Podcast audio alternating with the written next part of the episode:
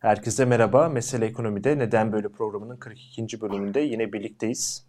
Ee, ekonomi yönetimi artık e, makro ihtiyati önlemler adı altında daha çok sermaye kısıtlamaları üzerinden yani hem finansal sektörü sıkıştırarak hem de reel sektörü itekleyerek e, işini yürütmeye çalışıyor ve diğer taraftan da kısa vadeli e, refah yaratabilecek asgari ücret zamları veya sosyal desteklerle e, seçmen desteğini sağlayarak iteklemeye çalışıyor. Ama oldukça da zor bir kış yaklaşıyor. E, tabii ki bu süreçler e, zorlaştığı zaman, e, seçim de olduğu zaman daha karmaşık hale gelecek. Bambaşka faktörlere dikkate almamız gerekecek. Hele hele bir de yurt dışında da bu kadar zor bir kış geçerse eğer her şey bambaşka değişebilir. E, yani burada siyasetin e, payı hem sebep olarak hem sonuç olarak oldukça daha e, dikkat çekici olacak. Bunu belirtmek gerekiyor. Şimdi tüm bunları e, ekonomi gazetecisi Erdal Sağlam'la konuşacağız. Merhabalar. Merhaba. Kolay gelsin. Ee, öncelikle size kısaca e, bir yani ek, ekonomiye baktığınız zaman sizin gözleminiz nedir? Yani bu süreç geçmişteki deneyimlerinizi birleştirerek e, yaşça daha kıdemlisiniz. Çok eski krizleri de gördünüz. E, diğer taraftan belli finans mühendislikleri veya işte kanun yapma yetkileriyle sürecin uzatılabilmesi de mümkün veya dış politika değişiklikleri ama hani çok böyle devam ettirilebilir görüyor musunuz? Seçmen desteğini sürdürülebilir bir şekilde kapsamlı sür, e, başarılabilir mi? Ne dersiniz? Valla e, yani daha önceki krizlere baktığımızda e, 94 ile 2000 ile e, benzerlikler görünüyor zaten. Burada da e, 94 ile en büyük benzerliği zaten Tansu Çiller'in faizleri zorla düşük tutmasından kaynaklanmış bir şeydi. E, ve orada da e, kamu borçlanması ve bankalara e, fazlaca yüklenildi e, 2000'e gelene kadar e, tahvil alımlarıyla e, bunlar bitti.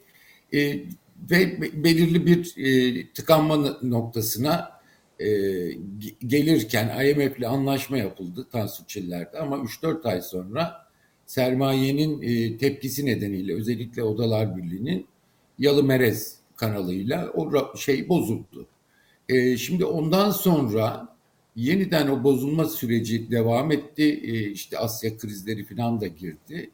E, daha sonra tıkanma noktasına geldiğimizde burada önemli noktalardan biri ben Hikmet Ulubay'a yani 2000 yılı programını hazırlayan ekibin başında olan e, başbakan yardımcısına Hikmet Bey'e kaç defa sordum. Yani IMF'le yeniden anlaşmaya çalışıyorsunuz. İki yıl oldu. IMF niye anlaşmıyor? O zaman bana dedi ki Tansu Çiller döneminde öyle bir zayiat, güven zayiatı olmuş ki adamlar şimdi ben bunları yapacağım dediğim zaman bana inanmıyorlar dedi. Ve o yüzden IMF anlaşmaya yanaşmıyor. E peki ne yapacaksınız? En sonunda yapılan şu oldu. İlk defa e, işte sosyal güvenlik reformu, bankacılık reformu, banka batışları filan bunlar önden yapıldı. Daha sonra IMF'in şartıydı bunlar. Bunlar önden yapıldı. Daha sonra IMF dedi ki tamam sizi kararlı gördüm gelin masaya konuşalım. Evet. Ve ondan sonra e, anlaşma yapıldı.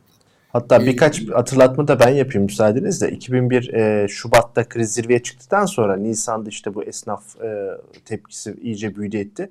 Ancak 2002 Şubat'a kadar e, süreç böyle işte önden Kemal Derviş geldi Mart ayında bir yıl sürdü bahsettiğiniz reformlar yapıldı. E, kimisi iyi, kimisi eleştirilebilir olanlar. Ancak 2002 Şubat'tan itibaren e, böyle bir anlaşma olmuş. Yani bayağı bir dediğiniz gibi uzun bir süreçti.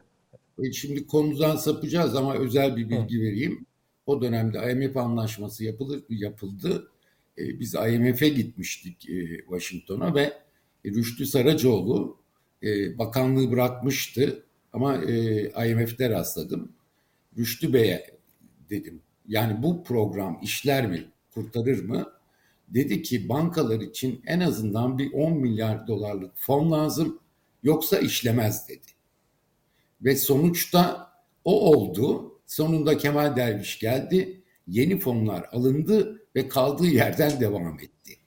Ee, öyle de yani eksik kalan bir yön vardı. Bir an önce IMF ile anlaşma yapacağız diye. Daha sonra fonla birlikte desteklenerek o güçlendirilmiş program devreye sokuldu. E, ve öyle bir yola girildi. E, buradan yola çıkacak olursak daha sonra e, 2007'ye kadar bu program devam etti. Ve e, Tayyip Erdoğan'ın, AKP'nin iktidarını sürdürmesinin en önemli nedeni iktidara geldiklerinde tartışma yaşandı. IMF'le anlaşmayı bitirelim mi, bitirmeyelim mi diye. O dönem büyük sermaye e, o zamanın başbakanı Abdullah Gül e, daha değildi e, Tayyip Erdoğan dışarıdaydı. O Ali Babacan ve 8-10 tane patron oturdu. IMF ile anlaşma yapmazsanız bu iş batacak dediler ve destek veririz size dediler. O zamandan sonra e, 2003'te 3'ün başlarında oluyor bu. Daha sonra o program devam etti ve gitti ama programı delme amacı Cumhurbaşkanı'nın yani o dönemki e, başbakan olan Tayyip Erdoğan'ın başından beri bu niyeti vardı. Ve kamu ihale kurumu e, ihale yasasıyla zaten bunu delmeye başladı. Daha sonra 2007 geçti. Sonra partideki birkaç kişi yüzünden e, IMF programı devam ettirilmeye çalışıldı ama Binali Yıldırım'da temsil edilen yatırımcı bakanlıklar ve Tayyip Erdoğan'ın çabasıyla e, sürekli geriye gidildi. Ve daha sonra Cumhurbaşkanlığı ile birlikte tümüyle kendi istediklerini yapar hale gelince de ekonomi e, batmaya başladı. Aslında o dönemden beri e, 2007 bir kırılma noktasıdır. Daha sonra 2012, 2015 giderek gerileyen bir e, disiplin, ekonomik disiplin ve geriye gidiş en sonunda da zirve yaptı. Bence zaten 2-3 yıldır e, biz bu krizin içindeyiz.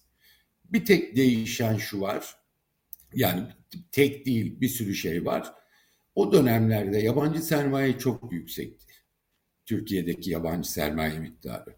Berat Albayrak'ın e, o 2000 e, kaçtı? 2018-19'da e, şeyleri e, geri çevirmesiyle birlikte e, yabancı sermayeyi çok azaldı. Eğer 2019'un e, ikinci yarısı kısmışlardı. Orada da büyük bir başarı kazandık dediler ama e, tamamen geriye dönüşü olması e, demek abartı olur ama büyük ölçüde sermaye buraya gelirken çok daha ölçülü gelmek durumunda kaldı. Yani istediğim zaman Türk lirasına karşı işlem yapamayacağını gördü. E, ama bu şu anlama geliyordu. E, Türk e, dışarıdan para geleceği zaman da yani olumlu para geleceği zaman da ona bir e, şüphe yarattığı için, onda bir endişe yarattığı için kısa vadede faydalı, uzun vadede böyle bir e, kendi e, ayaklarını kesen bir e, durum haline geldi. Evet. Geldi ama bu süreci bizim uzun bu kriz sürecini bu kadar uzun yaşamamızın e, en büyük etkenlerinden biri yabancı sermayenin eskisi kadar Türkiye'de var olmaması. Yani bu ani çıkışlar falan gibi şeyler e, o şokları yumuşatarak gidilebiliyor. Arada başka formüller bulunabiliyor. Bu sürece 2020'de 2020'nin sonunda Naci Abal ve Lütfü Elvan'la bir kısa bir ara verildi. Ben o zaman hatta e, TÜSİAD'ın e, en büyüklerinden kişilerle de konuştum. Odalar Birliği de çok heveslendi, düzelecek yeniden diye. Dedim ki gerçekten samimiyetle inanıyor musunuz? Yani Cumhurbaşkanı'nın rasyonel politikalara döneceğine. E, o zaman dediler ki e, başka başka çaremiz yok. Artık Cumhurbaşkanı da anladı demek ki bu kişileri getiriyor. Efendim Avrupa Birliği'nden bahsetmeye başladı o dönem. E, demek ki çaresi yok. O da gördü ve bunu yapacak ve inanmaktan başka çaremiz yok dedi ve ben e, o dönemde bayağı yadırgadığımı yazdım da yani sermayenin e, biraz daha e, şey saf dilli bir davranış içinde olduğunu. E, ondan sonra da zaten kısa sürdü. Mart'tı sanırım. Bile sürmedi. Bir gece bir gece Şahap Kavcıoğlu'nun atanmasıyla bir anda o sermayede, bankalarda hatta yabancı yatırımcılar da e, lale devrinden uyandılar diyeyim. Aynen öyle ve ondan sonra süreç hızlanarak devam etti. Arada e, cin fikirlerle, şapkadan çıkarılan tavşanlarla süreci uzatmaya çalışıyorlar. Yine aynısını yapıyorlar. E, ama geldiğimiz zaman e, işte en son yine Rusya parasıyla birkaç ay vakit kazanmış oldular. E, ama sonuçta e, zamanlama nasıl olacak e, kesin net değil seçim. E, ama Ekim'den sonra Nisan-Mayıs'ta yapılacaksa seçim çok daha kötü bir durumda girecekler gibi gözüküyor. Bunun için siyaseti kullanacaklar ama oya tekabül etmesi hala çok şey ekonomiye bağlı ve çekilen sıkıntılara bağlı bir oy erozyonu e, bence görülmüyor. Çok daha fazla olması gereken normalde şeyleri siyasi şeylerle, hamasetle tutmaya çalışıyor. En son yapacağı şey de e, işte seçime gidilirken e, belki yıl başında e, Nisan'da Mayıs'ta seçim olacaksa gerçekten çok yüklü miktarda bir e, kesimlere servet transferi ile iyice yoksullaştırdığı kesimlere e, geçici olarak bir dopingle gelir şeyi yapmaya çalışacak e, anladığım kadarıyla ve o siyaset ve e, görece iyileştirmelerle seçime girip yeniden Cumhurbaşkanı olmak isteyecek. Oraya gelirken son birkaç ay içerisinde e, anketler gösterecek çok önemli. Ben o konuda şeyim yani anketler kesin olarak e, kazanamayacağını gösterirse e, ben girmeyebileceğini bile e, söyleyebilirim. Çünkü e, o zaman başka pazarlıklarda devreye girebilir. Yani Tabii son ana kadar deneyecek, eldeki bütün imkanları kullanacak. Onlardan sonra olmazsa bu B planına evet. geçecek değil mi? Evet. Evet. evet. Öyle bir Peki, şey yapacak. Bunun e, yaratabileceği bir de tabii bir enkaz olacak. Yani e, şimdi kalıcı bir şekilde değil kısa vadeli bir şekilde refah arttırmaya, kalkınma sağlamaya yönelik yöntemler ileriki yılların finansmanını tüketmek demek. Ee, iyisiyle kötüsüyle bir IMF opsiyonu var ama bu S-400'ler varken ve Türkiye'deki siyasi istikrar yokken e, o da çok kullanılamıyor kolay kolay. O zaman e, bir olası iktidar değişiminden sonra muhalefetin çok böyle bir alanı kalır mı? Yani muhalefet böyle bir nevi kendisini 99 yılındaki üçlü koalisyon gibi bulmaz mı?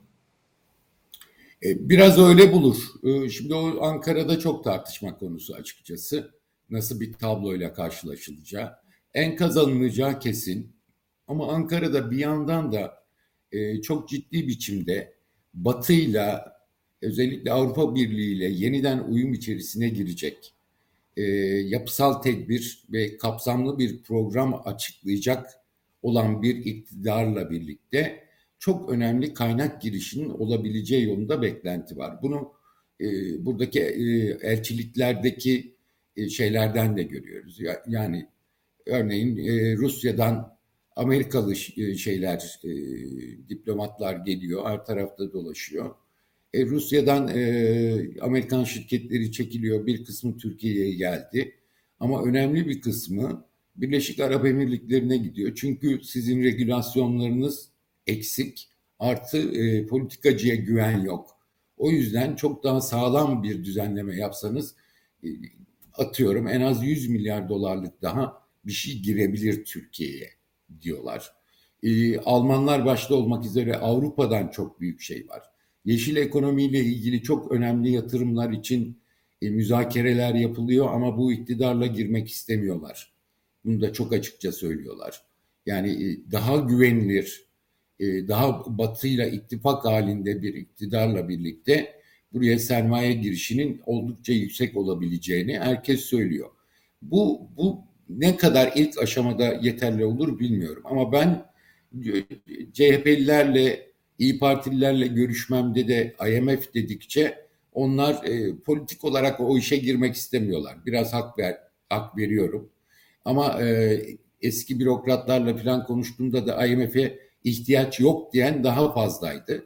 Ama bu son kararlardan sonra işte Rusya'ydı, diğer şeylerden yani işin iyice zıvanadan çıkması üzerine artık ya herhalde IMF gerekecek demeye başladı eski bürokratlarda. Ben bir de IMF'in e, şu açıdan yararlı olacağını düşünüyorum. Üçlü koalisyon hükümeti dönemini ben çok yakından izledim. İster istemez çok farklı partiler, e, farklı çıkar gruplarını temsil eden e, siyasi partiler, mesela tütün yasasıyla ilgili çok önemli kriz çıkmıştı koalisyonda. Bu tür krizler her zaman olabilir.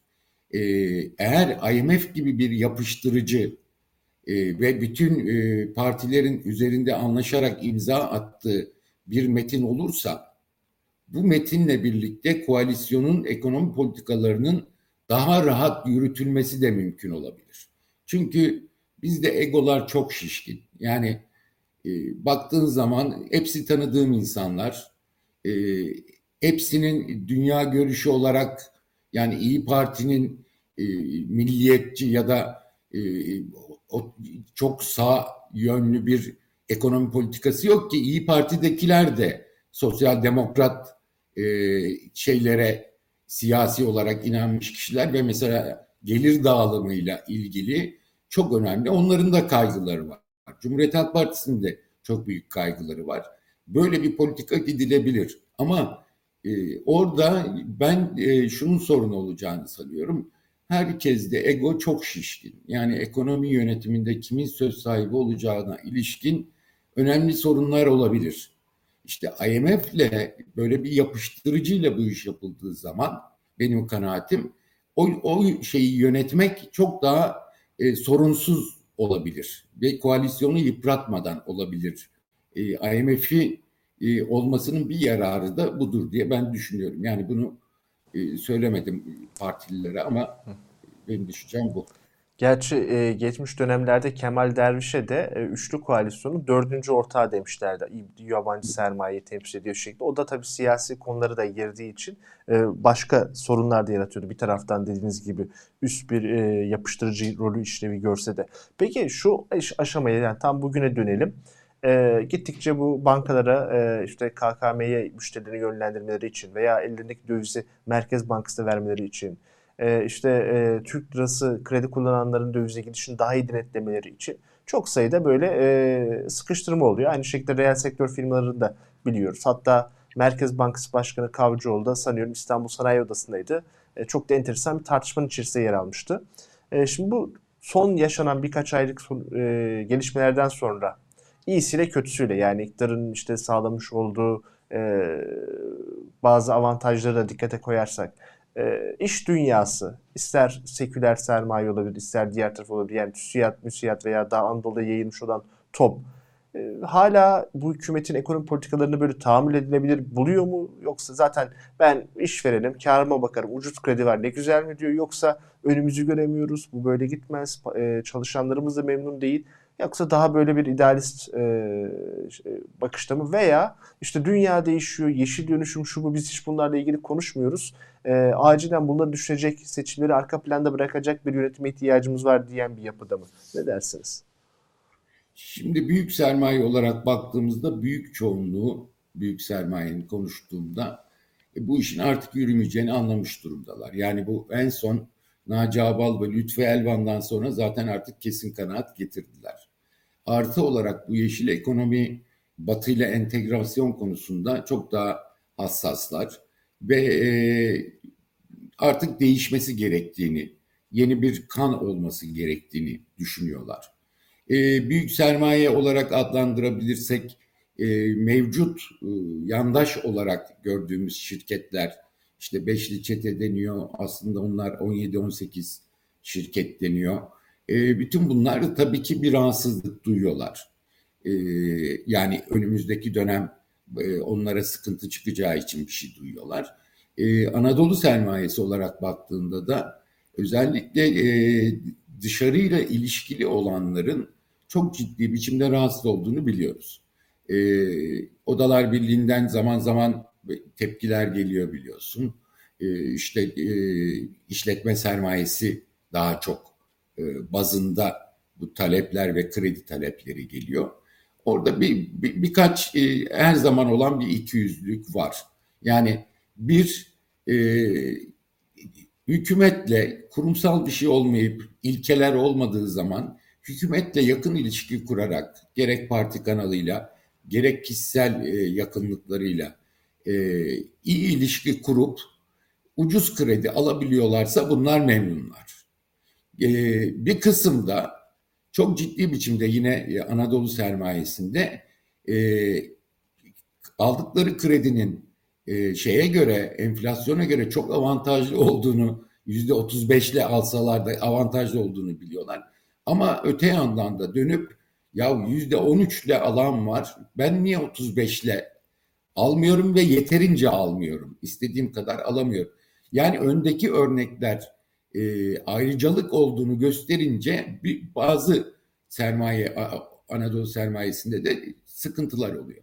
Şimdi mesela Odalar Birliği'nin oda seçimleri başladı. Ciddi hararetli çok fazla yansımasa da hararetli bir tempoda geçiyor. Yani e, AKP'li yönetimlere karşı çok ciddi bir e, Odalar Birliği odalarda ciddi bir tepki oluşmuş durumda ve arayış içindeler. Yani e, başka koalisyonlarla e, oda yönetimlerine girme konusunda arayış içindeler. Öyle bir süreç yaşanıyor. Sermayede bunu görüyoruz yani sermayede hissediyoruz. Ama öyle bir şey ki hala güçlü göründüğü müddetçe e, Cumhurbaşkanı Erdoğan, AKP demiyorum, Cumhurbaşkanı Erdoğan hala güçlü göründüğü için çok fazla ortalıkta ses çıkarmıyorlar ama özel sohbetlerde neredeyse yüzde yetmiş sekseninin Anadolu sermayesinden, TÜSİAD e, büyük sermayede daha yüksek şikayetçi olduklarını biliyoruz açıkçası. Bu bence önümüzdeki dönem seçim satınımı haline girilince e, muhalefet partilerine yapılacak yardımlarda da ortaya çıkacak. Çok açıkça. E, bunu tahmin ediyorum böyle olur zaten. Yani bir şeyi özellikle TÜSİAD e, şey gibidir. E, bir treni e, iterek yola çıkarmaz. Ama yola çıkmış birini görürse ve kendi şey yaparsa onun trenini atlar. E, genellikle yaptığı budur. Şimdi öyle bir süreç içindeyiz. Herkes pozisyon almaya çalışıyor. E, yanı sıra muhalefet partileriyle temasa geçmeye çalışıyor. Medyada da bunu görüyoruz. Yani sadece yandaş medyayla ilişkiyi ile yetinmeyip artık açılmaya başladıklarını da görüyoruz başka yerleri de. Sermaye pozisyon tutmaya çalışıyor. Gideceğini görüyor bence e, büyük bir ölçüde gideceğini görüyor ve e, pozisyon tutmaya çalışıyor ve rahatsızlık e, her geçen gün büyüyor gideceğini görüyor ama hala da güçlü olduğunu gördüğü için de açıktan bir e, şey olamıyor. 90'lı yıllarda böyle değildi. TOB'un, TÜSİAD'ın hatta DİSK'in işte, çok net böyle kendi aralarındaki koalisyonları veya karşıtlıkları olurdu. Hükümetleri değiştirdi. İşte ana yollar, ana sollar hep böyle şekilde olurdu. Böyle bir durum Türkiye'de şu anda gerçekleşmiyor. Peki bir de e, şimdi ekonomi yönetimine dönelim. Acaba ekonomi yönetimi böyle tek bir parça mı, yekpare mi? Yani e, bir ara çok konuşuldu. Hazine e, ve Maliye Bakanlığı ile Merkez Bankası arasındaki ayrımlar, Kavcıoğlu ile Nebat arasındaki çekişmelerin olduğu, ekonomiye yaklaşımların olduğu, Berat Albayrak'ın başka etkilerinin olduğu. Buralar için e, görüşünüz nedir? Valla Berat Albayrak e, yani Nurettin Nebati hemen hemen aynı zaten şey. Ama bir, birkaç ay önce mesela e, Berat Albayrak'ın yeniden göreve getirilmesi konuşuldu. E, hatta sürpriz kararnameyle yapılacak diye konuşuldu. Ama ondan sonra parti içerisinden çok e, reaksiyon geldi dediler. Sonra o ekonomi olmadığı enerjiye getirilebilir. Reaksiyon yani. dediniz hani e, Albayrak'ın itibarı kötü oy kaybederiz veya e, evet. Albayrak çalışmak istemiyor şimdi değil mi? Hı. Yok yok oy kaybederiz diye. Al, Albayrak istiyor yani Hı. o çok açık hatta ekonomi olmayınca çok tepki gelince enerji mi acaba diye de konuşuldu ama onlar da olmadı. Önemli değil ama artık yani Nurettin Nepati, Şahap Kavcıoğlu isimler önemli olmaktan çıktı gerçekten. Yani gerçekten yetersiz kişiler, mevcut yönetimdekiler. E, bunu herkes görüyor. AKP'liler de görüyor bunu. Ama onların bir fonksiyonlarının olmadığını da görüyorlar çok açıkçası. Yani ben bir ara e, sosyal medyada yazdım. E, Şahap Kavcıoğlu e, bir iş adamına söylediği sözdü. Herkes bizim gitmemizi istiyor. Bir şey değişmeyecek ki biz gitsek. Bunu anlamıyorlar demişti. E, gerçi kendisi öyle söylemediğini söyledi ama ben hala ısrarlıyım öyle bir lafı konuştuğu konusunda. E, yani artık önem, önemi kaybetti. Yani nasıl Merkez Bankası kararları, faiz kararları önemini kaybetti diyoruz. E, Şahap Kavcıoğlu'nun Merkez Bankası Başkanı olup olmaması e, bu dönemde biliyorsun bir sürü credible olabilecek isimlere teklifler gitti, kabul etmediler. E, zaten oraya gelecek olan hem bakan hem de Merkez Bankası Başkanı e, çok fonksiyon olan birileri olmayacak. Yani o zaman Cumhurbaşkanı... şöyle sorayım.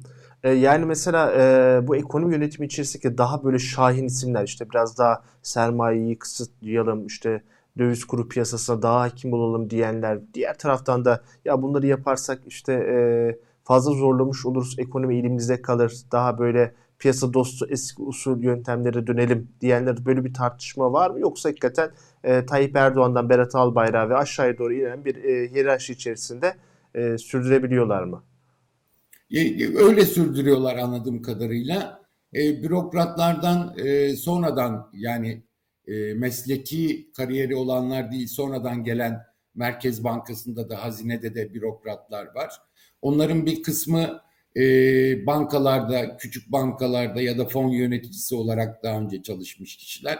Bunlar e, kamu yönetimine aykırı da olsa e, günlük işi sürdürebilmek için yani bu son işte e, Merkez Bankası kararları, zorunlu karşılıklardaki yani bütün bunlar zaten daha önceden de alınırdı. Ama bunun hesabı yapılırdı. Yani öyle şeyler oluyor ki benim duyduğum mesela bilmem neyi yaparsak bunu nasıl bilançolaştıracağız diye eski bürokratları arayıp soruyorlar. Anlatabiliyor muyum? Buna bunu bile e, liyakat açısından bu kadar eksik kişiler fikir veriyor. E, ve Türkiye'de e, para piyasalarının e, şeyinde bunlar etkin. E, bunların yanı sıra bir de Cumhurbaşkanlığında birkaç danışman var. E, yani onlarla ilişkili Şahap Kavcıoğlu'nun hocası yok bilmem neyin ya böyle bir çok dar bir kadro içerisinde cin fikirler çıkıyor.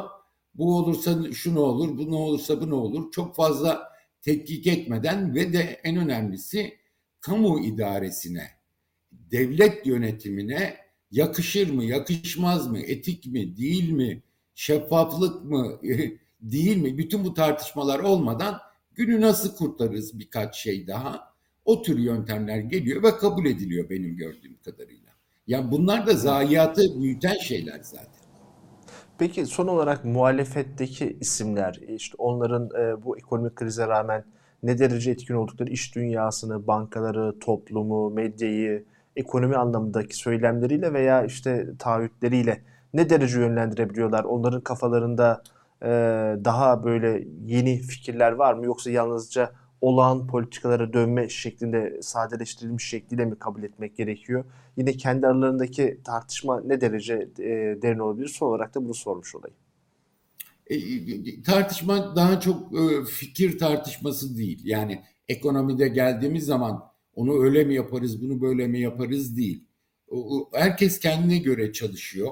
Herkes ekonomi yönetiminde e, kurulacak koalisyonda söz sahibi olabilmek için ataklar yapıyor. Yani öne çıkmaya çalışıyor. İşte Deva Partisi'nin e, bu kadar küçük bir parti olmasına rağmen ekonomide e, etkinliği olacağını düşünmek öteki partiler tarafından tepki görüyor. E, bütün bunlar yaşanıyor. Bu bir süreç ama benim öğrendiğim kadarıyla önümüzdeki aydan itibaren ekonomide ortak bir metin hazırlanmaya çalışılacak. Öyle bir şey oluşturulmaya çalışılacak. E, bir sürü eleştiri oluyor muhalefet partilerine. E, işte yeterince alternatif önermiyorlar, popülizm yapıyorlar, o, oydu buydu ortak bir şey çıkmıyor diye. Ben bunun e, adaylıkla da ilgisi olduğunu sanıyorum ve bütün planın gerçekten seçim tarihinin belli olmasına göre bir zamanlama yaptıklarını düşünüyorum. Yani e, çıkarılacak ekonomi şeyinin de e, politikasının da eğitimin, hukukun ne olacağına ilişkin bütün bunların e, bu zamanlamaya göre, seçim zamanlamasına göre e, kamuoyuna daha yoğun biçimde anlatılacağını düşünüyorum. Hazırlıklar her konuda yeterli mi? Henüz değil bence de. Yani bunu açıklamazsınız da kendi aranızda e, tartışırsınız falan. İşte onlar da yeni başlıyor gördüğüm kadarıyla. Ama görüş ayrılığı olabilecek diye bir şey yok. Eskisi gibi sadece e, efendim 2001'deki politikalara dönmekle ilgili e, biraz farklılık olacak. Benim bütün partilerde gördüğüm yani nasıl IMF'de görüyorsak yani yoksulluğu arttırılmayacak bir program e, gibi artık bir şeyler konuşuyorsa IMF başkanı bile e, içeride de kamu e, şeyinin ekonomide kamu ağırlığının artacağına ilişkin, artması gerektiğine ilişkin fikirler ağırlık kazanıyor. Yani eskisi gibi e, işte o neoliberal bir şeyin inkarı anlamında daha e, şeye yoksulluğu azaltıcı, belki sermayeden e, şimdiye kadar aktarılanların bir bölümünü alınması, e, yani servet vergisi bile konuşuluyor ama onun olacağını sanmıyorum çünkü çok tepki çeken bir şey. Bir başka isim altında belki yapılabilir. Ama daha gelir dağılımını düzeltmeye dönük ekonomik politikalarına ağırlık verileceğini düşünüyorum. Ee, özellikle adalet e, reformuyla, işte yargı sistemiyle filan bütün bunların ekonomiye de e, büyük bir sinerji, ekonominin şeyinde de büyük bir sinerji yaratacağı düşünülüyor. E, bunları tek tek nasıl formüle edecekler e, henüz onlar net değil ama e, önümüzdeki ayki toplantıyla birlikte e, duyuyorum e, ekonomi ağırlıklı çalışmalar hız kazanacak. Seçmen de e, beklentisi de böyle. AKP'ye sunulan raporlarda da seçmen AKP ile vedalaşmadı. Sadece ekonomiden ötürü bir ünlem koydu deniyordu. Dolayısıyla önümüzdeki 6-7 aylık e, iktidarlı muhalefet arasındaki düellonun da bu şekilde ilerlemesi çok e, olağan. Teşekkür ederim. Geçmişten bugüne konuştuk. E, hatta geleceğe dair hem iktidar tarafına hem de muhalefet tarafına bakmış olduk. Tekrar katılımınız için teşekkür ederim. Ben teşekkür ederim. Kolay gelsin. Sağ olun. Bu hafta e, ilk başta ta eski krizlere kadar değindik. Çünkü e, kurumsallığın bozulması ve sadece seçimleri kazanmaya odaklı e, yaklaşımları biz daha önce 90'lı yıllarda e, denemiştik. O yüzden oralara bir değinmemiz gerekti. Arkasından e, ekonomi yönetiminin e, içerisindeki farklı gruplaşmalar, yine iş dünyasıyla bankaların bakış açısı ve son olarak da muhalefetle iktidarın bundan sonraki süreçte ne taahhüt edebilecekleri ve yaklaşan kara kışa karşı kimin daha ikna edici olacağını konuştuk. Bir sonraki yayında görüşmek dileğiyle. Hoşçakalın.